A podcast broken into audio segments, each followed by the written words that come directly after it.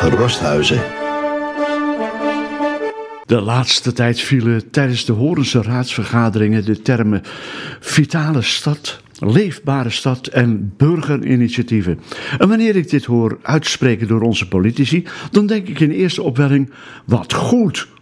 Ze hebben door wat een gemeenschap nodig heeft. En, en dankzij mijn niet bijster grote snelheid van begrip rijst bij mij de vraag of zij ook een beeld hebben van de manier waarop dit daadwerkelijk kan worden gerealiseerd. Want er komt namelijk heel wat bij kijken.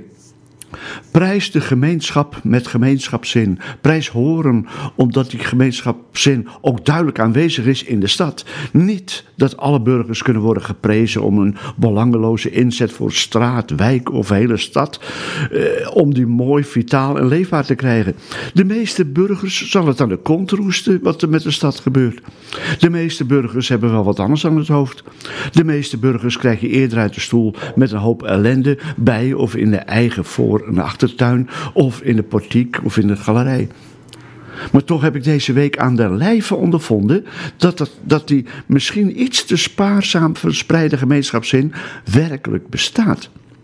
In de wijk de Grote Waal ging ik in op de uitnodiging om aanwezig te zijn bij een overleg dat voorafgaat aan de organisatie van een grote wijkbijeenkomst 22 januari.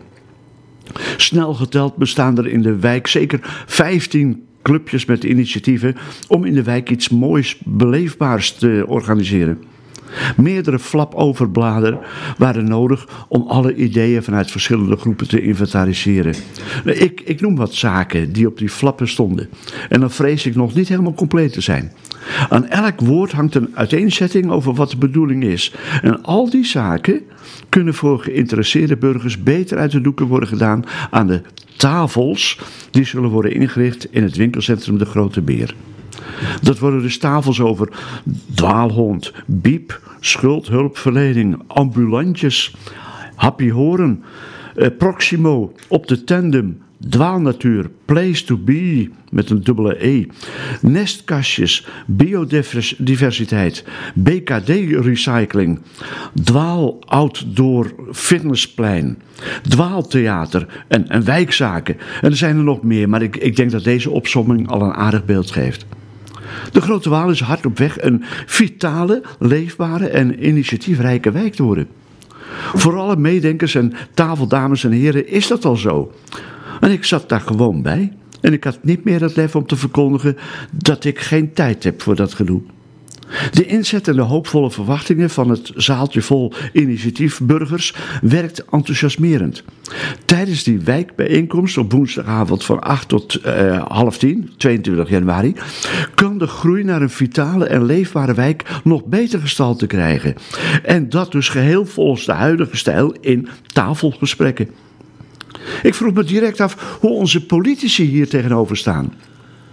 Moest ik vrezen dat onderling gekissenbis of regeltjesfetischisme een eind zou maken aan alles? Nee, natuurlijk niet.